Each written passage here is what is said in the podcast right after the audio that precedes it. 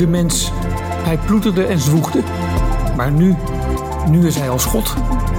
En kan er maar beter goed in worden. Dit is het tijdperk van de mens. Welkom in het Anthropoceen. Het was in de bioscoop de kaskraker van de zomer. En dan hebben we het niet over Barbie, die andere kaskraker. Oppenheimer, de speelfilm over de maker van de atoombom, heeft een nieuwe generatie bekendgemaakt met het meest afgrijzelijke wapen dat we ooit hebben gemaakt. Deze zomer verscheen ook een boek over Oppenheimer, Splinters van de Som, geschreven door Frans Kingma en Magiel Kleemans. Zij zijn vandaag de gast in deze podcast. Welkom in de studio. Welkom bij de podcast van Replanet Nederland en ecomodernisme.be. Dankjewel. Heren, Dankjewel. wij gaan eh, praten over kernwapens en hun betekenis in de wereld, in de wereldgeschiedenis, de wereld van nu. Uh, en vooral ook over J. Robert Oppenheimer, de man die ons de atoombom bracht en die ons volgens sommigen het Anthropoceen in heeft geslingerd. Um, eerst ter kennismaking. Um, je bent bij een buurtbarbecue. En je gaat je voorstellen aan de nieuwe buren in de straat. En die wil je ook niet te lang vervelen, maar je wil wel even vertellen wat je ongeveer doet. Um, wat zeg je dan, Frans? Laten we bij jou. Okay. Ja, ik ben uh, Frans Kingma. Ik schrijf boeken, literair werk. ik ben columnist bij een aantal tijdschriften. Um, ik ben opgeleid als experimenteel fysicus. En sinds, sinds een, een tijdje uh, algemeen coördinerend deskundige bij de Universiteit Utrecht. En ik heb jarenlang mensen opgeleid in de stralingsveiligheid. En dat is gedaan bij de Technische Universiteit van uh, Delft. Juist. En Magiel? Ik ben Magiel Kleemans. Ik heb ooit theoretische natuurkunde gestudeerd. Ook het vak van Oppenheimer. Daar is die belangstelling ook al begonnen. Mm -hmm. Ik heb een carrière in de wetenschappelijke uitgeverij gehad. Ook natuurkundige tijdschriften. Ik werk nu in de wereld van de nucleaire veiligheid. En daarnaast doe ik een promotieonderzoek aan de Universiteit van Amsterdam naar de uh, geschiedenis van de moderne natuurkunde, moderne kernfysica. Uh, en ook daar kom je Oppenheimer weer tegen. Mm -hmm. Ik heb een, ben een tijd lang redacteur geweest van het Nederlands Tijdschrift voor Natuurkunde. En daar schreef ik ook zelf uh, stukken voor. En daar is ook een beetje de liefde voor het schrijven ontstaan. En dat doen jullie goed, dat schrijven. Ik heb uh, met, met heel veel plezier uh, jullie boek gelezen, Splinters van de Zon. Het, uh, ja, het, het, complexe materie weten jullie heel goed over te brengen. Het is ook een levendig verhaal. We gaan straks trouwens luisteren naar een, naar een fragment dat we hebben uitgekozen. Um, nee, heel mooi, heel mooi gedaan. Straks gaan we het natuurlijk hebben over wat er in jullie boek staat. Maar toch allereerst, wat fascineert jullie zo aan Oppenheimer dat jullie besloten er een boek over te schrijven? Het is een hele veelzijdige man. Ik denk dat dat, uh, dat, dat opvalt. Uh, hij was een hele begaafde natuurkundige. Dat beschrijven we ook. Hij veelzijdig, dus hield zich bezig met kwantummechanica. Uh, maar ook met zwarte gaten. dus heel, heel breed ontwikkeld. Mm -hmm. Geniaal. Maar daarnaast had hij ook een hele ehm, brede belangstelling voor literatuur en kunst. Ontzettend belezen. Heel erudiet. Um, en eigenlijk heel opvallend um, dat iemand zo breed ontwikkeld kan zijn. Mm -hmm. En daarnaast is ook zijn uh, politieke leven interessant. Hij heeft, het, uh, heeft een belangrijke politieke rol gespeeld, maar is ook van die rol eigenlijk uh, ja, afge, afgegaan. Zijn veiligheidsverklaring is afgenomen door de overheid. Mm -hmm. Dus hij heeft ook de macht van, zijn, van die natuurkunde meegemaakt. En uh, ook de corromperende invloed van die macht. En dat geheel maakt hem tot een heel interessant figuur. Ja, ja de machthebbers hebben hem eigenlijk van zijn sokkel uh, gehaald, zou je kunnen zeggen. Ja. Ja. ja. Ja, maar daarvoor was hij natuurlijk wel voor de natuurkunde misschien een beetje verloren. Maar hij heeft zichzelf wel ontwikkeld als filosoof daarna. Hij heeft heel veel mm -hmm. dingen ook geschreven en, en ook lezingen gehouden waarin hij inderdaad ook laat blijken van, van de kennis die hij heeft, van, nog steeds van de wetenschap, maar ook van de politiek. En ja, en zijn, zijn kennis van, van cultuur is natuurlijk geweldig. Ja. Hij beheerst negen talen en, en bezoekt de, de hele wereld. En heeft ook op de hele wereld vrienden, kennis en, en, en, en fysici uh, zitten die hem kennen. Ja. Ja. ja, is opgegroeid in een gezin in uh, hartje New York, volgens mij, hè? New York City. Um, in een huis vol met, met waardevolle kunst. Uh, Picasso en was het? Uh, Van Gogh ook volgens mij. Oh. En ja. Rembrandt.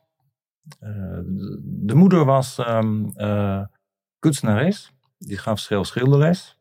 Ja. die tijd was dat nog wel uh, ja, revolutionair. Ja, was, was, was vooruitstrevend.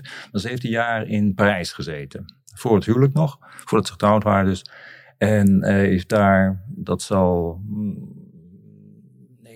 1910 zijn geweest, is daar onder indruk gekomen van impressionisten. Mhm. En die kennis heeft ze meegenomen toen ze ja, Julius Oppenheimer tegenkwam, die daarna furore heeft gemaakt, hebben ze dat geld heel goed kunnen besteden. Hebben ze ja, wat, wat schilderijtjes uh, gekocht. Ja. ja. Gelukkige hand heeft zij uh, gehad. Ja. En wat was Oppenheimer voor man toen hij zich ja, ontwikkelde als student uh, natuurkunde en, en later in zijn werkzame leven? Misschien nog een aardige anekdote uit zijn kindertijd. Hij is een jaar of negen en dan zegt hij tegen een familielid: Ehm, stel me een vraag in het Latijn en ik antwoord in het Grieks. Ja, ja. Uh, dus dat geeft iets aan van uh, natuurlijk voor zijn ontwikkeling, maar ook wel van zijn arrogantie. En, en dat is een, uh, iets waar hij ook wel last van heeft gehad in zijn leven. Mm -hmm. Dus hij trekt naar Europa om de natuurkunde te gaan leren. Hij doet een, een studie scheikunde in, in Harvard, heel vlot. Maar komt erachter dat dat eigenlijk niet is wat hij wil. Hij wil natuurkunde mm -hmm. doen. En dat moet je in die jaren in Europa leren. Ja, in Göttingen, denk ik. Ja, hij gaat uiteindelijk naar Göttingen korte stop in Cambridge, waar hij wat ongelukkig is in meer experimenteel werk. Maar komt in Göttingen terecht bij Max Born, een van de grondleggers van de kwantummechanica. Uh, en daar bloeit hij op, daar doet hij zijn promotieonderzoek. Ook daar zie je weer die arrogantie. Hij kan dan dus tijdens een voordracht gewoon naar het bord lopen, het krijtje afpakken en laten zien hoe het ja, ja. moet. Uh, en Max Born is ook blij als hij, als hij daar weggaat. Uh, dan zegt ik ben helemaal uitgeput. Mm. Zoveel eisend. Ja. Uh, maar dus heel succesvol weet hij daar zijn promotie in. Maar hij bloeit op. Hij had ook ehm, ja, hevige aanvallen van depressiviteit. Um, en agressieve neigingen ook. Eh, hij heeft, uh, nou, zijn moeder had hij eens een keer opgesloten. Uh, en hij heeft volgens mij een studiegenoot proberen te wurgen. Dat staat trouwens niet in, in, jullie boek hoor. En in de film kwam dat, die episode ook niet naar voren. Nee, nee, nee. Het is ook van, van de, ehm, Oppenheimer heeft met vrienden ook een reisje gemaakt. Italië, Corsica. En daar mhm. heeft hij eigenlijk een, een, een, een soort aanval gehad van zeggen, verstandsverbijstering, uh, daar is hij doorgeslagen. Mm kan zijn omdat hij uh, zoveel heimwee had dat hij zijn, zijn eigen weg niet kon vinden. Um, de scène in, in, uh, in de film met de appel, die appel is, is dus niet door Boor uh, gehanteerd, maar wel door Blackett. Ja, dit is de appel waarmee hij probeerde uh, een van zijn docenten te vergiftigen. Ja, ja. Of dat echt gebeurd is, weten we niet. Maar er was wel een akkefietje waardoor zijn ouders, die toevallig in Europa waren, even langs moesten komen. Om het een en ander te regelen met de Universiteit van Cambridge, want anders zouden die eraf worden hmm. gestuurd. Ja. Ze hebben wel toegezegd dat hij dan een psychotherapie ging in Londen. Dat is ook gebeurd. Ja. Maar Oppenheimer vond dat niet zo succesvol. Nee, ik geloof dat het advies vooral was, uh, je bent toe aan een vrouw. Ja. Ja. ja, ja. ja. Um, zullen we gaan naar het fragment? Um, en dat fragment um, is meteen het begin van het boek, hè? Bij, uh, bij hoofdstuk 1. Ja, ja. hoofdstuk 1, Trinity. Het is maandag 16 juli 1945. 2 uur 18 in de ochtend en in het holst van de nacht staat op een lege plek in de woestijn een merkwaardig bouwwerk, verlaten door timmerlieden, installateurs en militairen. Het is een stalen toren met bovenin een massieve bol, voorzien van draden, kabels en elektronica. Een merkwaardig moderne constructie in deze uitgestorven plek in New Mexico, zo'n 90 kilometer ten noordwesten van Alamogordo, in een vallei die bekend staat als de Jornada del Muerto de route des doods. Een terechte naam voor dit lege gebied van zand, steen en rotsen. Bijna 10 kilometer verderop loopt in de kantine een man onrustig heen en weer.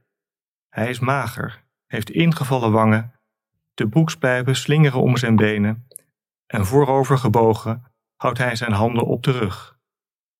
Hij heeft nauwelijks geslapen, hij is te opgewonden. De weersomstandigheden zijn slecht en hij weet, uitstel is onmogelijk. Iedereen heeft er hard voor gewerkt. Het duurt dagen voordat alles weer startklaar is. Bovendien wil de generaal geen vertraging. De vorige nacht had hij ook weinig geslapen, zo'n vier uur. Hij was bezorgd geweest. Waarom had de test niet gewerkt? Het was de laatste mogelijkheid geweest. Een exacte kopie, maar zonder plutonium. Een blindganger had het opgeleverd. Volstrekt onverwacht. Het was niet fraai. Wat kon er mis zijn gegaan? Toch foute berekeningen? Een verkeerde afstelling? In de loop van de ochtend had hij een bericht gekregen. Bete had gebeld. Het was een kort overleg geweest, maar die goede Hans Bete had verzekerd dat de implosie zal slagen. Het gaat werken. Ik ben mir sicher.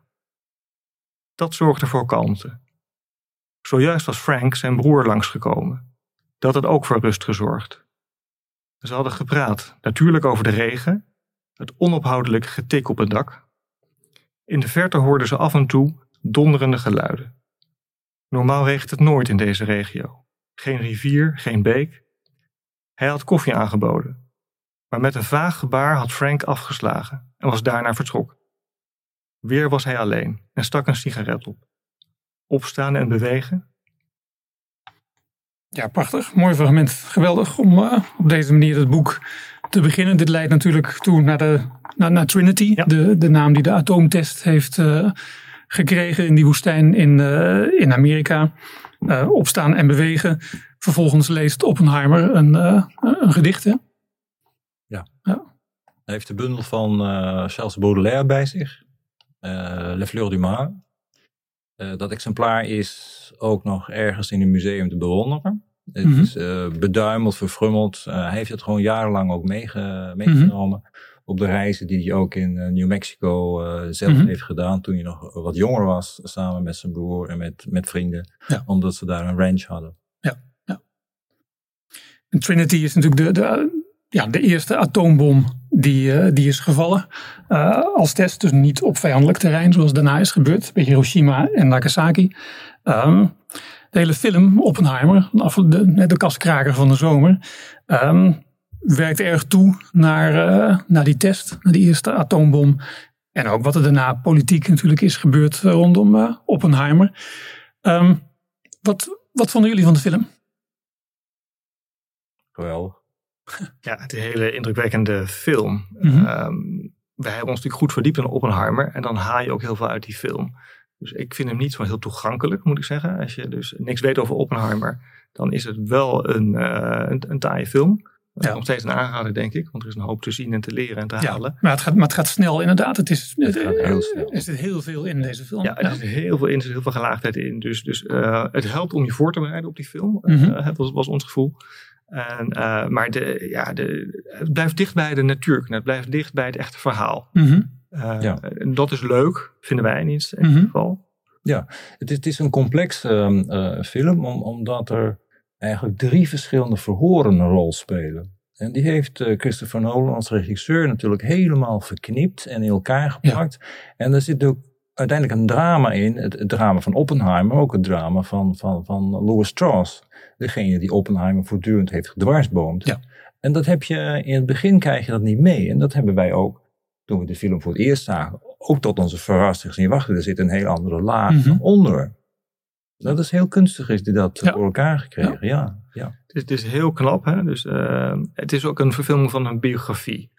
Uh, van, uh, van Burton Sherwin, American Prometheus. Ja. Is, uh, daar is hij op gebaseerd. Ja, en de, en de, en de nog levende biograaf, want het zijn twee auteurs geweest, die, die waren erg enthousiast over, uh, over de film ook. Hè? Ja, ja, ja, dus die, die herkennen hun boek en dat is, dit is nou heel knap gedaan. Er zijn ook andere biografieën over een Oppenheimer geschreven, die Ja. meer focussen op misschien uh, zijn rol als natuurkundige of meer over de bom gaan. Mhm. Maar in deze biografie is heel veel aandacht uitgetrokken voor dat politieke proces. En daarom zie je dat ook zo terug in, de, in die film. Ja. Ja, ik vind het ook heel verrassend dat je een film durft te maken waarin zoveel uh, techniek en zoveel fysica zit. Mhm. We hebben ze geteld, er komen zo'n zo'n 30 fysici in de film voor. Ja. Onge ongekend. Absurd. Ja. En Die ook vrij goed gecast zijn, hè? als ik tenminste nog de Ja, zwart-wit is waar. foto's dan uh, Ja, Ja. voor de geest haal. Ja. Ja. absoluut. Ja, ja. Nee, dat is, heel, dat is heel knap gedaan. Um, een van de dingen die je ziet is op een gegeven moment staan ze bij de, zijn ze in Chicago. Dat wordt niet erbij verteld. Bij de allereerste werkende kernreactor Mhm. ter wereld. Ja. Chicago Pile 1. Uh, waar Fermi uh, die, ja, de, de, de leiding over had. Mhm. Ja, als je dat weet, is het fascinerend. Ja. dat wordt helaas niet uitgelegd in de film. Nee. Dat, dat is wel jammer. Het is heel bijzonder. Er zal materiaal zijn gesneuveld waarschijnlijk. Dat zou dit ook uh, kunnen zijn. Uh, nog een, een, restje heeft het dan waarschijnlijk nog tot de film gemaakt. Ja, ja er is zeker materiaal gesneuveld. Ja, ja, ja, ja maar wat Michiel bedoelt is ook van kijk, je ziet daar een, een, een soort iglo van zwarte blokken. Dus van koolstof. Maar je hebt geen idee dat daar uraniumstaven is. Ja, ja. En, en dat dat Chicago wel eens een heel groot probleem zou kunnen hebben. Ja. Uh, dat is allemaal go Ja. goed gegaan. Gewoon een experiment in het geheim. In, Ja. Dat was toen waarschijnlijk de tweede grote stad van, uh, Ja, van het land. En, en, en de veiligheidsnormen die wij dus nu hebben, die, die speelden toen helemaal niet hoor. Nee. Fermi had het idee van dit, dit handel ik wel en dit gaat wel goed komen. Ja. Was er iets wat er enorm uitsprong uit, uit de film over, over Oppenheimer? Misschien toch iets, iets onverwachts of iets wat jullie zelf niet zo uh, hadden bedacht? Nou, wat ik niet zo had bedacht is het punt dat uh, wel sterk wordt aangesteld in die film. De gedachte dat die uh, kernbom ook de atmosfeer zou kunnen ontsteken. Uh, dat wordt in de film nogal uit, uitontwikkeld. Dus mm -hmm. uh, Christopher Nolan heeft dat uh, gehoord. Dat is heel kort een, een, een, een, punt van zorg geweest bij die natuurkundigen. Die mm -hmm. rekenen aan die kracht van die atoombom. Dat ding werd zo heet dat het even de vraag was: zou die niet elementen in de atmosfeer tot kernfusie kunnen aanzetten en dat de hele atmosfeer zou ontploffen? Mm -hmm. Nou, dat is binnen een dag uh, hebben ze dat berekend en geconcludeerd dat dat helemaal niet aan de orde zou zijn. Mhm. Dat is wel in een document gekomen dat naar Washington ging en daar is dat idee nooit meer weggegaan. Uh, dus onder divisie was binnen een dag duidelijk dat dat helemaal niet aan de orde uh, zou zijn. Ja. Maar dat, uh, dat, dat, dat, idee bleef dus toch bestaan omdat daar iets over gezegd is in Washington. Ja. Nou, in de film wordt dat heel groot gemaakt. Ja, precies. En Oppenheimer weigerde om de kans op nul te zetten, omdat die kans nooit nul kan zijn. Ja, er waren natuurlijk onbekendheden. Dus kijk, een fysicus die, die, ja, die zegt niet snel kans nul. Nee. Maar Nee. Het, was, het was volstrekt duidelijk dat dat niet aan de orde was. Wat denken jullie dat, dat nou ja, zeg maar onvermoede kijkers zullen denken over Oppenheimer na het zien van die film? En met onvermoede kijkers bedoel ik dus de mensen die niet de moeite hebben genomen om een hele biografie en het werk van uh, Oppenheimer te kennen. Ja, het is wel een, een indrukwekkende figuur, omdat hij een rol speelt in de geschiedenis die heel veel verantwoordelijkheid heeft, uh, met zich mee heeft gebracht. Hij was namelijk niet zo echt de man die uh, bij uitstek geschikt zou zijn geweest, voor, voor, op papier tenminste, Mhm. mm -hmm. voor, deze, uh, voor deze rol. Dus het feit dat hij benaderd wordt door General Gross. Om, omdat hij geen leidinggevende ervaring had en, en, en, niet eens een Nobelprijs, terwijl er zoveel anderen waren met wel een Nobelprijs. Ja, ja, ja, en ook geen experimenteel fysicus, terwijl het natuurlijk bij uitstek een experiment was wat ze gedaan hebben. Ja. Theoretisch was hij natuurlijk eigenlijk zo sterk. En, en, dat is ook zijn, zijn sterke kracht geweest van, van de, de tien jaar, de jaren 30, jaren 40, toen hij in Berkeley en, uh, de Amerikaanse natuurkunde op de kaart heeft gezet. Dat was vooral het theoretische werk. Lawrence uh, en, in Chicago, daar waren vooral de experimenten. Mm -hmm. um, ja, dat is ook het idee van, van uh, was hij nou the right man on the right spot? Uiteindelijk natuurlijk wel, omdat hij van fantastisch organisatorisch talent had. En hij was ja, um, kon multitasken. Mhm. Mm -hmm. Hij had uh, inzicht, uh, kon mensen enorm charmeren. Dat komt in de film ook wel heel mooi tot uitdrukking.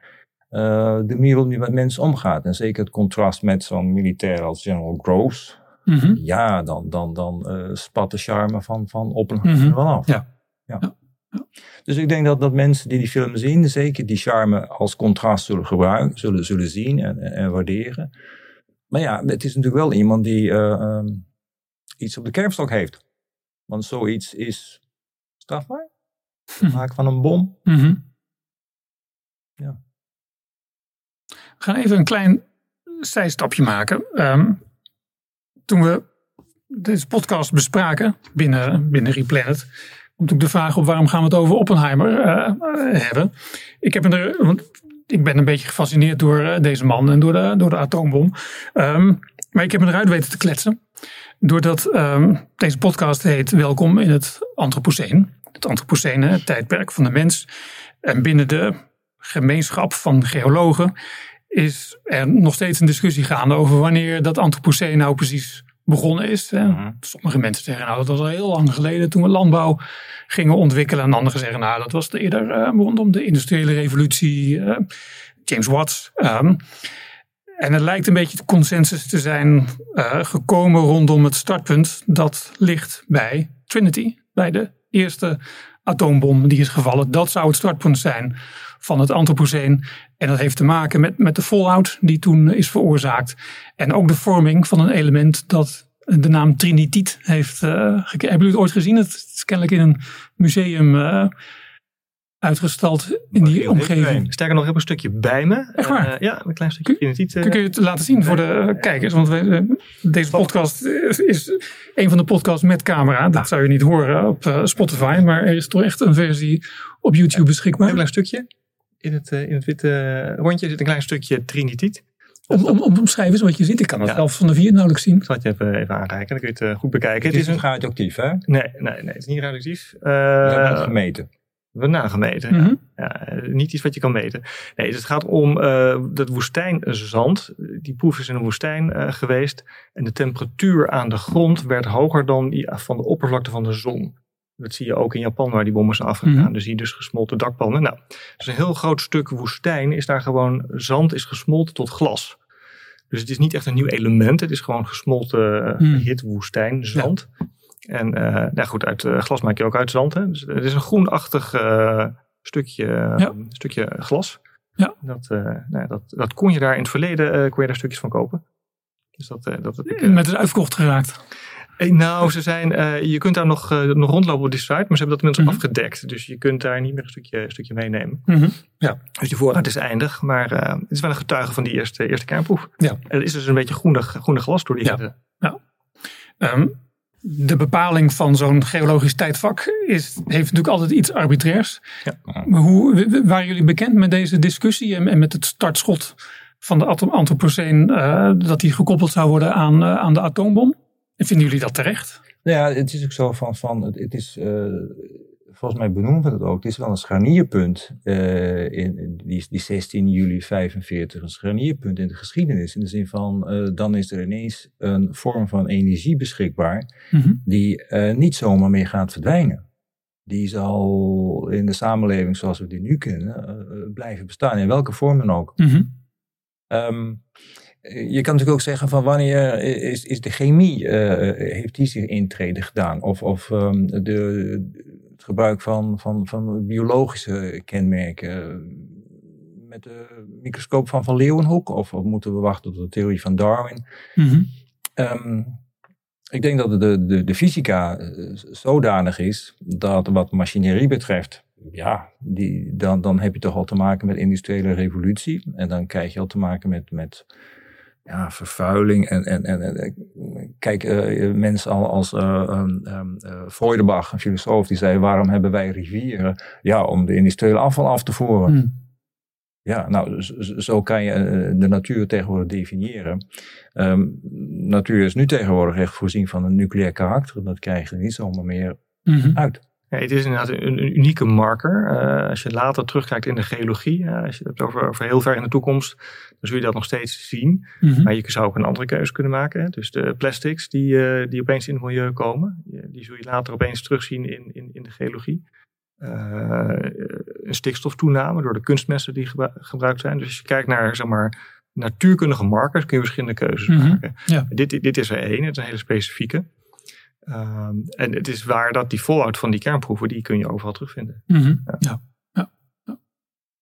Sommige mensen hebben kritiek op dat idee met de atoombom als startpunt. Omdat de atoombom zo weinig te maken heeft met de zorgen die we nu hebben in het Anthropoceen. Um, sommigen zeggen uh, het is expres gelinkt aan iets heel naars in ons collectieve geheugen. We, we, omdat de Anthropoceen daardoor ook een hele negatieve klank uh, heeft. Anderen zeggen juist, nou het is misschien wel een erkenning dat kernenergie echt een revolutionaire kracht is. Die nu wordt, uh, die hiermee wordt erkend, misschien wel onbewust, omdat kernenergie al zoveel mogelijk maakt dat we, waar we altijd zo hard aan hebben gewerkt, generaties voor ons. En nou, dit zou ons in een, in een goed antropoceen uh, zelfs kunnen drukken wanneer we gewoon de juiste keuzes blijven maken. Maar goed, ik wou het in ieder geval even aangestipt hebben. Dat er een, wel degelijk een link is met, tussen het antropoceen en, ja, ja, zeker. en ja. de atoombom. Ja, ja, Vinden jullie, um, wat is eigenlijk de plek van Oppenheimer en ook de atoombom in de wereldgeschiedenis? Ik weet dat dit een grote open vraag is. Nou, Willen jullie daar eens op reageren? Geeft het aan, het, begin, het markeert het begin van, van een, een, een, een belangrijk tijdperk. In de jaren 50, 60 was politiek echt uh, heel zwaar beladen door, door kernenergie, door atoomenergie. Mhm. Door het feit dat daar een, een, een, aantal grootmachten tegenover elkaar stonden, die uh, over de wereld elkaar vijand waren. Ja. Ja, dan heb je het over, over de Verenigde Staten en de Sovjet-Unie, die allebei beschikten over atoombommen. Ja. En met de nodige spierballentaal uh, elkaar zaten uit te dagen en intussen testen uitvoerden. Uh, een aantal andere landen volgen natuurlijk ook. Ja, de Cuba-crisis is daar natuurlijk een voorbeeld van. In van, van ja, daar, daar werd, nou, wat je formuleert als spierballentaal, ja, daar werd een politiek gevecht uh, mm -hmm. gehouden waar de wereld toch even van stil was. Of dat nou echt zo daadwerkelijk zo dreigend was. Zaten jullie dat zo in? Ja, ik denk dat de dreiging wel heel, wel heel hoog geweest is op, op dat moment. Uh, in de Koude Oorlog zijn meer momenten geweest waarop het uh, heel spannend is geweest met, uh, met kernwapens. Ook later in de Koude Oorlog, in de tijd mm -hmm. van Reagan. Um, en en ook apparatuur die dus fouten heeft gemaakt, die dus verkeerde ja. interpretaties heeft gegeven. Ja, waardoor het leek alsof er een kernraket ja, onderweg was. Techniek ja. is ook niet, uh, niet onfeilbaar. Ja, ik denk dat het moeilijk is om de gevolgen nu helemaal te overzien. Het is nog in ontwikkeling. Ja, dus de, het is duidelijk een enorme gebeurtenis geweest. Frans zal zijn, scharnierpunt in de, mm -hmm. in de geschiedenis. Um, bij die ontwikkeling is eigenlijk nog, nog volop gaande. Je het is 80 jaar geleden, het is nog te vroeg om terug te blikken. In zekere zin, ja, nou, de, precies, in zekere zin wel. Uh, natuurlijk ja. kun je er wat over zeggen. Uh, maar maar de historicus heeft afstand nodig tot, tot het onderwerp. Ja, ja. En, en, en, die kernwapens zijn nog, uh, zijn nog bij ons. En mm -hmm. grote getallen, getallen. Dus, um, maar het is duidelijk dat de invloed enorm is, ge, is geweest. Mm -hmm. In de eerste jaren is gezegd, dat het heeft voor heel veel stabiliteit gezorgd. In die, in die Koude Oorlog.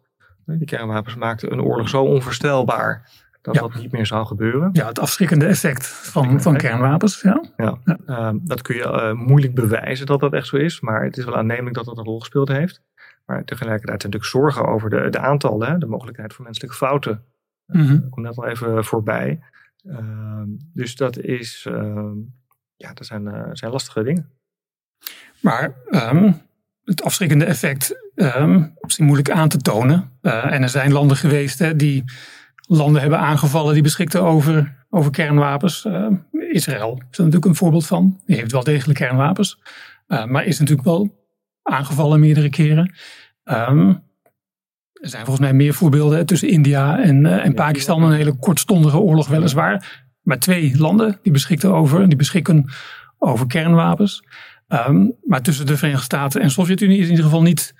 Daar is geen uitwisseling van kernwapens uh, geweest. In ieder geval op de manier dat, waarvoor werd gevreesd voor, een, uh, ja, voor het afvuren ja. van die kernraketten. Ja. Ja, je ziet dat Oppenheimer zich daar zorgen over maakt. Hè? Dus die, die is een van de mm -hmm. eerste die zegt van we hebben hier uh, controle nodig. We moeten dit gaan controleren. Ja. En als je dan later gevraagd wordt van de, wat is er dan niet goed gegaan? Als, als dus andere landen ook kernwapens ontwikkeld hebben, ook de Sovjet-Unie dan zegt hij: It should have been done the day after Trinity. Mm -hmm. We hadden toen moeten besluiten ah. om, om te stoppen met kernwapens. Uh, en uh, of die controle vorm te geven. En dat is toen niet gelukt. Dus in de uh, Verenigde Naties uh, over gesproken in de jaren 1946. Um, en um, nou, daar kwamen ze niet nader tot elkaar. Mm -hmm. Dus het idee was om kernwapens onder internationale controle te stellen. Om ja. de splijtstoffen internationaal te controleren. Mm -hmm. en die ideeën hebben het toen niet gered. Ja. Ja, het is zelfs zo geweest dat Oppenheimer heeft voorgesteld om alle uraniumvoorraden onder internationaal toezicht te zetten. Dus dat geen enkel land het recht zou hebben om uranium te claimen. Ah, ja. En daarmee dus ook kunnen zeggen van ja, als je dus, dus de grondstof niet hebt, kan je ook niet een eigen kerncentrale beginnen, ah, een eigen ontwikkelingsproces. Mm -hmm. ja. Nee, dat is allemaal internationaal ge ge ja. georganiseerd, gecoördineerd, gecontroleerd. Ja. Ja, en wat er wel is gekomen is een organisatie die ja. toezicht houdt op ja. de voorraden uranium. En zodra je maar ergens een milligram... Uh, Verrijkt, uh, ja. Ja, ja, ja. ja. Nee, dat klopt. De Internationaal Atomenergieagentschap houdt toezicht op die splijtstoffen over de hele wereld. En dat is best wat je kunt doen om dit, um, dit te controleren. Mm -hmm. Ja, ja. Um, nou, laat, laat duidelijk zijn, uh, Magiel en ik, het, het, is wel zo van het aantal uh, kernwapens en het type kernwapens, ja, daar valt nog wel wat op af te dingen. Ik bedoel, over, over welke aantallen hebben we het? Hoeveel kernwapens zijn er nu in de wereld? Ja, er zijn duizenden kernwapens, voornamelijk bij de Amerikanen en de Russen. Ja. Ja, en, en daar, daar zal ze de meeste mensen over eens zijn dat het aantal gewoon veel te groot is. Ja, ik geloof dat het gaat om 13.000 eh, kernwapens. Ehm, Ja. Vrijwel gelijk verdeeld tussen eh, Rusland en Amerika. Met een aantal landen die eh, aanmerkelijk minder, eh, Ja, ja. minder hebben. Zoals Chi- China bijvoorbeeld. Precies. Ja, en de vraag is hoeveel heb je er, heb je er nodig voor een geloofwaardig Ja, de vernietigingskracht van die 13.000 wapens is natuurlijk eh, enorm. Het aantal kernwapens heeft natuurlijk ook veel hoger gelegen hè, dan de 13.000. Nu, Ja, klopt. dus in de jaren Ja. 80, zat dat nog ergens op. Wat is het? 70 tot 80.000. Ja, ja die orde Ja. van grootte. Dus er is al, Ja. is al veel gebeurd. Ja. Ja. Maar nog steeds moet je vaststellen dat het aantal veel te hoog is. Kan het ooit lukken om die kernwapens de wereld uit te krijgen? Dat hangt er vanaf hoe je die vraag eh, interpreteert. Hè? Als je zegt van, kijk, ze zijn ooit bedacht. Eh, en, en, en die uitvinding, kun je, kunt eigenlijk niet meer de, eh, de uitvinding teniet Mhm. doen. Het onuitvinden van de kernwapens Ja. is eigenlijk geen optie. Dus in Mhm. die zin zullen ze er altijd zijn. Ehm, en is het onwaarschijnlijk dat ze, dat ze weg, zullen, weg zullen gaan. Eh, kijk, dat de aantallen verder kunnen afnemen, dat is zeker voorstelbaar. Dat je het helemaal op nul krijgt, ja, dat, dat is iets voor de verre toekomst, denk ik. Maar zou dat niet kunnen via de Verenigde Naties? Uiteindelijk moet je dan opboksen tegen hele grote landen. Hè? Maar de- als de kleinere landen meer samenspannen om die kernwapens gewoon weg te doen tot je uiteindelijk op nul eh, zit. Ja, je zit natuurlijk Waarschijnlijk is het wel mogelijk. Ja, maar je ziet een aantal kleine landen, bijvoorbeeld een klein land als, als Israël of een klein land als Noord-Korea, die hebben een eigen policy. Die hebben ook hele structuren, eh, politieke structuur. Israël, omdat het zich omringd voelt door vijanden en Noord-Korea Mhm. precies hetzelfde. Dus het is een politieke wil die je moet creëren om ervoor te zorgen dat dat Mhm. gezamenlijk weggaat. Ja, ja. En een aantal landen, eh, vermoed ik, die zullen daar niet zo snel in, in, in, in, meegaan. Omdat Mhm. ze dan denken, ja, ik heb een hele grote buurman of buurvrouw en, en die, die kan heel vervelend gaan doen. Wordt de wereld eigenlijk wel veiliger als er geen kernwapens meer zijn? Vind je de wereld nu onveilig? Ja. Hmm. Eh, nou ja, het punt is van, van, van kijk, eh, als je met auto rijdt, is onveilig. Eigenlijk is het inderdaad onveiliger eh, dan, dan vliegen. Als Mhm. mensen vraagt, wat is de veiligere manier om te transporteren? Dan denk ik, nou, ik pak liever de auto dan dat ik een vliegtuig Mhm. ga. Ja. En op de fiets is het tegenwoordig ook gevaarlijk. Ja. Elektrische fiets is, is zelfs heel gevaarlijk geworden. achtergrond van mijn vraag is natuurlijk. ehm eh, ban de bom is heel lang een hele populaire leus geweest. Ja. Maar die ging nooit echt vergezeld met, een, met het doordenken van ja, wat, wat dan als die kernwapens er niet meer zijn. Dan zijn er nog altijd heel veel, dat noemen wij dan traditionele bommen, die ook kunnen worden gegooid. Ehm, het is niet zo dat er onmin tussen landen opeens verdwijnt eh, en dat iedereen in vrede leeft. Sterker nog, er valt iets voor te zeggen dat er vrede is gekomen op een grotere schaal over een langere periode sinds de atoombom is geïntroduceerd. Ja, in Europa is dat zeker het geval. Ehm, het is ook zo van, van eh, je benadrukt natuurlijk het feit van, van de dreiging van de atoombom. Mhm. Ehm, je kan natuurlijk ook op een andere manier met, met, met, met dreiging omgaan. En dat is in de zin van dat je probeert te gaan samenwerken. En dat is wat de, de Fransen in de tijd, direct na de Tweede Wereldoorlog, hebben gedaan met de eh, basis eigenlijk voor de Europese gemeenschap. Voor de Mhm. eh, gemeenschap voor kolen en staal, om samen met de Duitsers te gaan werken. Om gezamenlijk kolen en staal. Ja, dat is natuurlijk geen, geen, geen graan en, en, en, en, en, en auto's. Maar je kan natuurlijk wel bedenken met kolen en staal eh, kan je kogels maken. En als je het samen doet, dan heb je tenminste een, een industrie die inderdaad militair, als het ware, afgedekt is. Dan ga je dat niet als vrienden op elkaar gebruiken. Mhm. Kan je wel samenwerken aan een versteviging. Nou, op die manier zou je dus nucleair al ook kunnen zien. Ehm, is dat een bedreiging? Mhm. Het gaat natuurlijk uiteindelijk over veiligheid. Je wil landen veiligheidsgaranties bieden. Want die kernwapens zijn er voor de veiligheid van die landen. En als je kijkt naar het, het recente verleden, landen die het geprobeerd hebben met kernwapens. Ik noem een land als Libië. eh, die hebben het programma uiteindelijk onder internationale druk opgegeven. Mhm, ja. Gaddafi. Ehm, en daar is vervolgens een, een, een, ook een, een oorlog gevoerd. En, eh, die niet goed afgelopen is voor dat regime. Eh, Irak heeft een programma gehad eh, dat gestopt is. Eh, Mhm. Ook daar is de situatie niet, niet heel erg positief. Mhm. Vanuit het land van, vanuit dat vroegere programma bekeken. Mhm. Syrië heeft gewerkt aan een, aan een reactor. Ehm, ook daar is het land niet stabieler geworden. Als je dan kijkt naar een land als Noord-Korea, dat wel succesvol kernwapens heeft ontwikkeld, ook in diezelfde jaren, dat is nu een heel ander verhaal. Dus als je, als je er, zo naar kijkt, dan, dan lijken die wapens toch een rol te spelen voor de veiligheid van die kleine landen. Mhm. En zolang dat beeld bestaat, helpt het natuurlijk niet om de, om de aantallen te verminderen. Mhm. Dus je zou moeten denken aan veiligheidsgaranties, harde garanties, eh, voordat je kunt praten over de echte ontwapening. Ja, ja. De Nee. consequentie is natuurlijk het idee van, van dat je kernenergie hebt en dat dat ook voor militaire doeleinden gebruikt wordt. Dat is een beetje sneu, want kernenergie is natuurlijk een vorm van energie vergelijkbaar met fossiel, wind, zon, Mhm. water. Ja. Ja. Komt ergens anders vandaan. Mhm. Maar je kan een vervelend bijproduct ervan maken. Wat je niet zomaar heel gemakkelijk eh, Nee. kunt maken. Overigens eh, daar zijn we het ook over eens dat kost kapitaal en je krijgt internationale sancties. Dus dat is, eh, Ja. Noord-Korea heeft Ja. wel atoomkennis en, en, en nucleaire wapens. Maar Mhm. ze leven op de, land van de, op de rand van de armoede. Ja. Ja. Ja.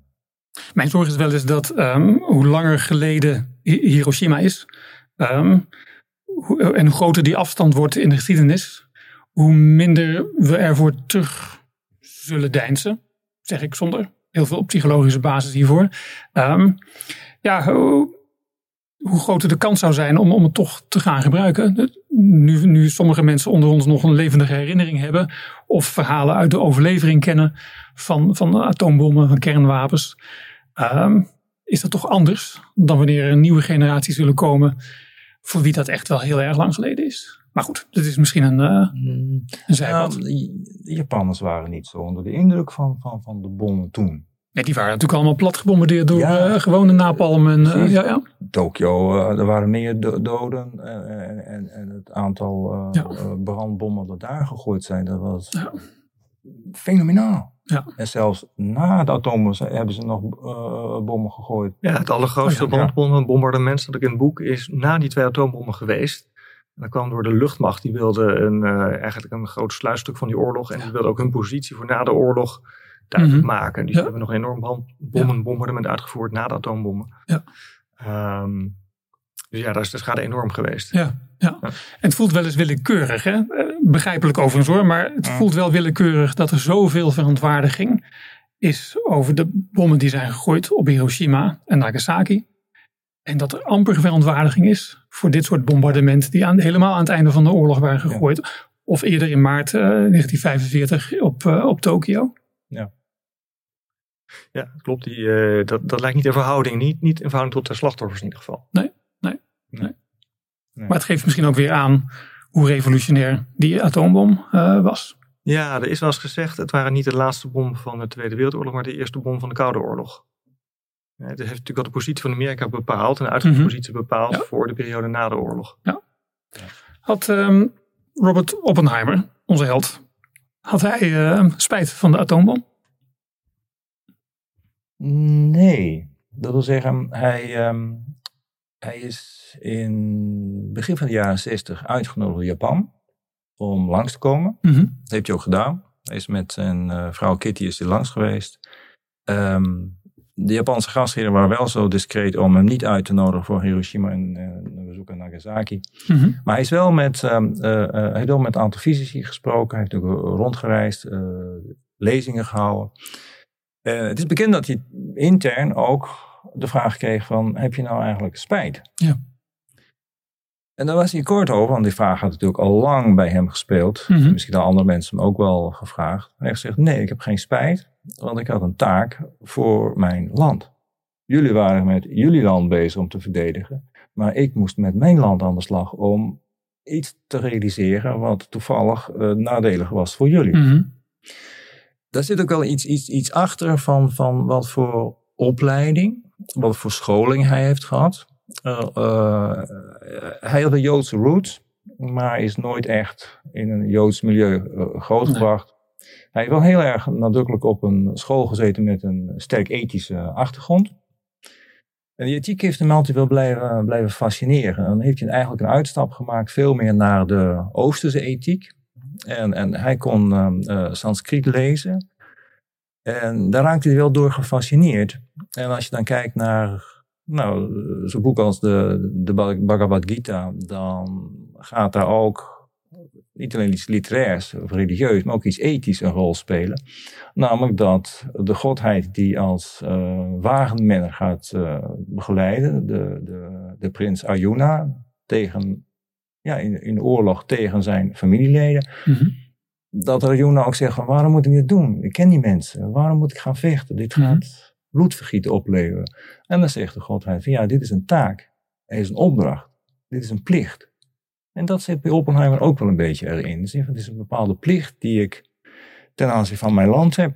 Ja. En in de film zegt je ook van I happen to love this country. Ik denk dat veel mensen ook gemakkelijk vergeten hoe die periode was in de Tweede Wereldoorlog. Dat er zeker op het hoogste niveau angst was dat de Duitsers op hetzelfde moment ook bezig waren een atoombom te maken. Absoluut, en de, ja. wat voor wereld zouden we hebben geleefd als de Duitsers erin waren geslaagd om een atoombom te maken. En het was niet altijd zo duidelijk hoe ver zij nu wel of niet waren met hun eigen atoombom. Nee, dat was natuurlijk de, de, de initiële aanleiding voor, dat, voor dat, het project. Ja. De, de, kernspreiding is in Duitsland ontdekt. Dus de Duitse onderzoekers hadden aanvankelijk begin van de oorlog ja. ook gewoon de lage, laag heel uh, vooraan in dat in mm onderzoek. Zie je ook in die film trouwens. Hè? Wordt er ja. gezegd, uh, liggen 18 maanden voor. Uh, zegt Oppenheimer dan. Ehm, dus die zorg was, was reëel dat daar een, een, een nou ja, een atoombom kon worden gemaakt in Duitsland. Mm tegen de tijd dat duidelijk werd dat dat niet het geval was, uh, was dat natuurlijk heel ver op stoom. En uh, had het ook een eigen dynamiek gekregen. En was de oorlog in het oosten nog niet afgelopen. Mm -hmm. um, dus uh, dan kom je in een andere situatie terecht. Het is trouwens niet zo dat Oppenheimer dit helemaal niet moeilijk heeft gevonden. Hè? Dus de weken tussen ja. de Trinity-test en de, de atoombom uh, is ook opgetekend dat hij zich enorm zorg maakt over de Japanners. Oh, die arme Japanners, zegt ja. hij dan ja. uh, tegen collega's. Uh, maar tegelijk in diezelfde weken helpt hij met het plannen voor het afwerpen van die wapens ja. om zoveel mogelijk slachtoffers te maken. Dus het is een beetje een dubbel beeld. Absoluut. maar hij heeft natuurlijk wel zorgen gemaakt over, over die uitvinding. Ja. Ja, maar hij waarschijnlijk... Sorry, zijn hele leven is hij wel ambivalent gebleven ten aanzien van zijn eigen taak, opdracht en, en, mogelijkheden. Ja, ik denk wel, waarschijnlijk heeft hij, um, neemt hij het zichzelf kwa, heeft hij het zichzelf kwalijk genomen dat hij de nucleaire wapenwetloop niet heeft kunnen voorkomen. En dus die atoombom, daar zal hij inderdaad achter hebben gestaan. Maar hij wilde natuurlijk niet in een wereld terechtkomen die uiteindelijk al vrij snel ontstond. Waarin de Sovjet-Unie ook een atoombom gingen maken. En de Amerikanen dan nog meer en nog meer. Zoveel geheimzinnigheid er ook omheen. Hij, hij bepleitte juist ook ja, meer openheid en meer, meer gesprek ook over wat ja. het nou betekent om in een wereld te leven waarin atoombommen zijn. Ja, dat is ook zeker zijn ambitie geweest om in de politiek iets te gaan doen. En dat, daar gaat de film natuurlijk ook wel over, om te gaan kijken, ja. uh, wat kan ik hierin realiseren? En dan, nou, ideeën van Boer heeft hij wel, wel, ja. wel tot zich genomen en zegt van, ik, ik moet niet alleen een leuke lezing houden, maar ik moet kijken wat ik, kan ik met mijn invloed mm -hmm. realiseren. Ja. ja. Er is een kort fragmentje van Oppenheimer te vinden. Dat is net na de bom op, eh, op Japan. Dan wordt hij geïnterviewd en dan zegt hij van ja, um, andere landen kunnen dit ook. En ik denk niet dat er een manier is om, uh, om je te verdedigen tegen die bommen. Mm -hmm. En dan geeft hij ook de suggestie, de enige manier om hier wat aan tegen te doen is openheid. Internationale controle. Ja. Dat is het pad dat we op moeten gaan. En uh, die adviesie blijft hij, blijft hij ook geven. Ja, ook aan Nederland. Hè. Wat zo leuk is aan, jullie boek, uh, los van dat het goed geschreven is en, en over iemand gaat natuurlijk met een heel bijzonder leven. Um, jullie leggen ook heel sterk de, de, de, de link tussen Oppenheimer en Nederland, waar hij even is geweest om te studeren of even. Hij heeft daar ook vriendschappen voor het leven ja, ja. gesloten. Hij heeft ook de naam, zijn bijnaam, hè, Oppie. Ja, Oppie. Uh, komt uh, van het Nederlandse Opje, inderdaad. Ja, ja. klopt. En hij heeft na de oorlog ook contact met Nederland uh, gehad. Vertel daar eens over. Ja, dat is heel leuk. Hij begint, dat begint al heel vroeg. In 1927 is hij in, in Leiden. En dan geeft hij ook een lezing. Ja, in het, in het Nederlands. In het Nederlands. In, in, de film komt dat, uh, komt dat wel terug, maar komt niet helemaal goed tot de uiting. Een van de dingen waarin geknipt is, is het fragmentje waarin de Killian Murphy, de auteur, Nederlands spreekt, waardoor er niet zo heel veel van overblijft. maar uh, er is wel opgetekend dat hij dat in het Nederlands gedaan heeft. Ja, ja. Uh, al zal het Nederlands niet vlekkeloos zijn geweest. Hè? Nee, nee, nee, nee, nee. Maar hij sprak heel goed Duits. Hè? Hij publiceerde in het Duits. Ja. hij was ontzettend goed met talen, dus kon dat wel heel snel oppikken. En zeker zo'n technisch verhaal, dat, dat, dat ging wel. Hij heeft zijn naam ook op de muur geschreven, juli 1927 in Leiden. Die muur is ook bewaard, die kun je nog steeds zien in de Universiteit Leiden. Ja, uh, en dan zie je een paar namen eronder staan. Albert Einstein, Max Born staat erbij, Niels Bohr. Mm. Dus al die grote namen die staan op die muur, hij staat ertussen. Uh, dus dat is een bezienswaardigheid inderdaad. Ja. Um, en, maar dan ligt er meteen contact. Uh, onder andere met, met Hans Kramers. Die is dan nog een leraar in Utrecht. Dat was de rechterhand van Niels Bohr, begin jaren twintig. Kramers wordt later hoogleraar in Leiden. En Kramers is ook een van de leidende figuren van het vroege Nederlandse nucleaire programma. Dus Nederland gaat na de oorlog nadenken over kernenergie. Nederland heeft voor de oorlog uh, in het geheim uranium ingekocht, al heel vroeg. Ja. Omdat ze wisten dat, dat daar iets mee, uh, mee te doen uh, was. Dat had Nederland snel in de gaten. Ja. Ook door de goede contacten die, die ze internationaal hadden. Ja, dat in Congo geloof ik gekocht. Congo en ergens opgeslagen in een kelder in, wat was het, Delft of Leiden? Ja, ja. precies. Eerst in, in, Leiden en toen in, in Delft. Maar onder het mom van geel pigment voor de glasfabriek. Het werd in die tijd ook gebruikt voor hm. vaste kleuren. Ja. Dus Nederland had na de oorlog een voorraadje uranium. heeft dat onder de pet gehouden. Dus ook de Amerikanen wisten dat niet. En dat bood in 1950 de mogelijkheid om samen met Noorwegen een kernreactor te maken. Noorwegen had zwaar water, Nederland uranium. Ja, zwaar water kan worden gebruikt als, eh, als, als moderator. Precies. Ja. ja. met die twee, dat zijn de twee cruciale materialen die je nodig hebt om een kerncentrale, een kernreactor te bouwen, moet ik zeggen. Het is altijd civiel geweest. Hè? Dat is nooit een uh, ambitie geweest voor mm Nederland om zelf een kernwapen te ontwikkelen. Maar wel een, een, reactor. Goed, Kramers die gaat ermee aan de slag. Maar Kramers wordt ook betrokken bij die controle kernenergie. Ook in de Verenigde Naties geeft hij advies aan de Nederlandse regering in 1946. In 1948 werkt Kramers aan de tekst voor een uh, kernenergiewet in Nederland. En dan is er een voorstel om ook geheimhouding op te nemen in die, in die wet. Mm Dan adviseert Oppenheimer hem om dat niet te doen. Um, en dan zegt Kramers ook in een notitie, uh, de geheimhouding in Amerika heeft geleid tot Ruslandachtige terreursituaties. Mm. Dat moeten we niet hebben, moeten we niet doen. Um, en die wet is ook om andere redenen niet, uh, niet gekomen mm -hmm. toen. Ja, maar dat was hem waarschijnlijk ingefluisterd door Oppenheimer, aan wie hij advies zal hebben gevraagd. Precies, precies. En in die, in die week dat hij dat schrijft, die notitie, zien we hem ook in uh, rondlopen met, uh, met Kitty en Robert in lopen ze met z'n drieën door Den Haag. Die foto ja. zit in het boek. Dus die banden zijn, zijn nauw. Mm -hmm. Hij had ook goede banden met de natuurkundige Ulenbeck. ook uit de jaren twintig. En die houden ook, ook contact tot... ze nodigen, Oppenheimer nodigt Ulenbeck en zijn vrouw ook uit in New Mexico in de jaren 30. Die gaan gewoon zes weken met z'n drie op vakantie mm. in, uh, in New Mexico. En daar zie je al die, die combinatie van New Mexico en natuurkunde. Hij nodigt collega-fysici uit om kennis te maken met New Mexico. Ja, want daar had hij een uh, ja, familie ranch. Ja, had een ranch. Ja. ja. ja. Mm -hmm. Ja, en dat, uh, hij hoopt dan, dat zegt hij ook later, of dat zegt hij al eerder, van ik zou graag natuurkunde en New Mexico willen combineren. Mm -hmm. En ja. die oorlog biedt hem die mogelijkheid om dat een volkomen afgelegen plek uh, ja. te gebruiken om dat wapenlaboratorium op te bouwen.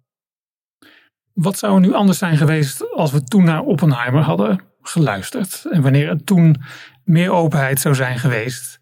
Uh, niet dat geheimzinnige, misschien zelfs helemaal geen nucleaire, nucleaire wapenwetloop. Wat had het veranderd?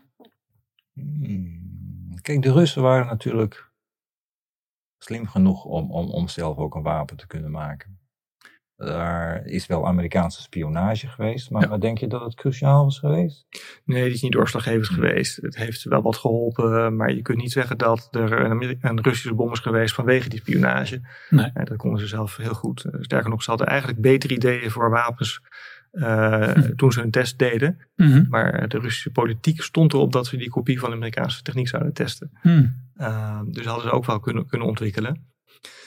Ja, dan had je het gesprek heel vroeg moeten voeren. En uh, kijk, als er geen wapenwetloop was geweest, was ook het beeld van kernenergie wel anders geweest. Dat, uh, dat, dat mag je aannemen. Ja, Het is heel omdat heel veel angsten zijn terug te voeren op uh, de atoombom, toch? Zeker. Bedoel je? Ja, ja, ja. ja maar de, de, de crux is natuurlijk geweest van, van um, uranium splijten. Al heel snel was het duidelijk dat de energie uit kon halen. Ja. En daar is de eerste reactie niet op geweest. We gaan een energiecentrale beginnen maar we gaan iets explosief maken. En maar het was 1939 hè, toen ja, het ja, precies. Ja, ja. En het is dat was het jaar dat de Tweede Wereldoorlog Stel je voor, het had um, uh, tien jaar eerder on, ontdekt kunnen worden. Dan had ze misschien een andere switch gegeven. Dus het is misschien niet uh, zin te speculeren van wat zou er anders zijn geweest als we de bom niet hadden. Wat zou er zijn gebeurd als we die ontdekking van splijting tien jaar of vijf jaar eerder was geweest. Dan had Duitsland waarschijnlijk ook een atoombom uh, ja, dan had Amerika helemaal geen reden gehad om atoombom te beginnen. Mm -hmm. En als de Duitsers dan ook nog zonder Hitler uh, de Joodse geleerden hadden gehouden, dan ja. waren wij nu Duitsland geworden. Ja. Ja, dat, dat, dat blijft speculeren hoe het eruit had kunnen zien. Wat wel interessant is, de man die als eerste dat idee heeft van een kettingreactie in uranium, Leo Szilard, een Hongaar, Mhm. eh, die bedenkt dat eh, al eerder, kort na de ontdekking van het neutron, dat je wel eens het neutron kan gebruiken om Mhm. eh, die energie uit kernen te halen. Weet Ja. niet dan hoe dat werkt. 1933, hè, dat zij hiermee kwam. Ja. Maar dat idee, dat, dat wil hij dus geheim houden. Hij vraagt een geheim patent daarop aan. Eh, dus dat idee van geheimhouding is niet per se alleen een politiek idee. Dat begint bij die wetenschappers. En die proberen met elkaar afspraken te maken, ook aan het begin van die oorlogsperiode, om die ontdekkingen niet te publiceren. Maar ook dat had weer te maken met uh, Silaar was uh, nu al twee keer gevlucht voor uh, jodenvervolging. Ja. Uh, in 1933 uh, was hij net uh, Duitsland ontvlucht. Precies, ja, net op tijd. Dus, maar hij weet ook andere natuurkundigen ervan overtuigen dat, dat ze terughoudend zijn met, met hun werk. Mhm. In het begin werkt dat niet heel erg goed, maar als dan die oorlog begint, krijg je wel een effectief regime van geheimhouding. Maar het komt dus als eerste bij de natuurkundigen zelf Mhm. vandaan, Ja. die gedachte. Ja, ja, ja, ja. We gaan toch even richting het einde door met de speculatie. Uh, een heel leuk fragment in, in dit boek is wanneer jullie een uh, blik werpen op een lijst met volgens mij de tien favoriete boeken uh, van, van Oppenheimer. Ja. Um, en jullie geven daarin aan waarom hij tot het lijstje is gekomen. Want Hmm. hij heeft dat zelf nooit hoeven uitleggen. Hij heeft, hij heeft alleen maar tien boeken door, uh, Ja. de, doorgegeven. Dat Ja. is heel, heel leuk hoe jullie dan in zijn huid uh, kruipen. En ik vraag me eigenlijk af, als je nu in de huid van Oppenheimer opnieuw kruipt en je zou kijken naar die wereld van vandaag en de dreiging van kernwapens, voor zover die er is, zou ik willen toevoegen, maar natuurlijk voelen we die wel degelijk. Uh, nu Rusland in een oorlog is, uh, een oorlog is begonnen. Um, hoe zou Oppenheimer uh, nu om zich heen kijken? Hmm. Als je een economisch motief gaat introduceren, dan is dat natuurlijk iets wat, wat Oppenheimer natuurlijk wel na aan het hart heeft gelegen. Maar wat hem eigenlijk zwaarder zou, wegen, is namelijk het idee van dat je vrijheid en, en gelijkheid zou kunnen creëren. Dat als energie in staat is om, om mensen, ja, ik durf niet te zeggen meer luxe geven, maar wel meer stabiliteit te kunnen geven, mm-hmm. dan zou je gewoon daarvan gebruik moeten maken. Hij, uh, ik heb een boekje meegenomen over Oppenheimer zelf. Dat heet Uncommon Mm. Sense. Dat zijn een verzameling van uh, lezingen die hij heeft gehouden. En, en daar doet hij ook uitspraken over wat is nou wetenschap voor hem? Wat zou nou de status moeten zijn voor wetenschap? En dan geeft hij vooral de indruk dat, uh, ik citeer even heel kort, the nature of science is essentially democratic. Oftewel, kennis, wetenschappelijke kennis kan je Ja. En daar kan je, Precies, daar kan je iets mee doen. Maar er zijn ook instituties die die kennis als een soort basis gebruiken. En waar zou je dat nou voor kunnen gebruiken, die, die basis? Nou, dan gaat het vooral over de uh, power to act. Je moet iets doen. Nou, en dan geeft hij voorbeelden. En dan gaat in zijn toespraak die hij dit houdt, gaat hij verder over twee zaken. Namelijk peace en social justice. Dit is begin jaren 60. Peace is dan een probleem. Mm-hmm. En social justice, ja, is in Amerika nog wel een probleem, omdat we namelijk met een zwarte minderheid te maken hebben, maar ook met de Native Americans. Mm-hmm. Nou, zo zou je de hele zaak van wetenschap ook kunnen doorschuiven. En ik denk dat Oppenheimer daar graag zijn energie, eh, tijd, geld en aandacht zou willen besteden aan dit soort dingen als gelijkheid en Mhm. taken die de universiteiten hebben om politiek te sturen.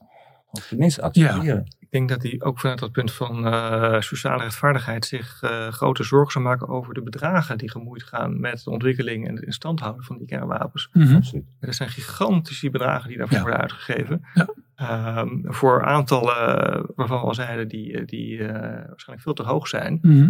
zou je dat geld niet beter kunnen besteden. Zou je daar niet nuttige Ja. dingen mee kunnen doen. Daar zou hij zich ongetwijfeld... En, en voor mijn beeld, dan gaat het met name waarschijnlijk om de beveiliging, zeg maar de bewaking van de kernwapens die zijn gemaakt. En je moet waarschijnlijk zorgen dat ze nog altijd werkzaam blijven. Want na een tijdje, ja, zal Er dat... is onderhoud nodig. Er is Heeft onderhoud. voor nodig. Ja. Een technische voor nodig. Een opleiding voor nodig. Ja, ja, ja.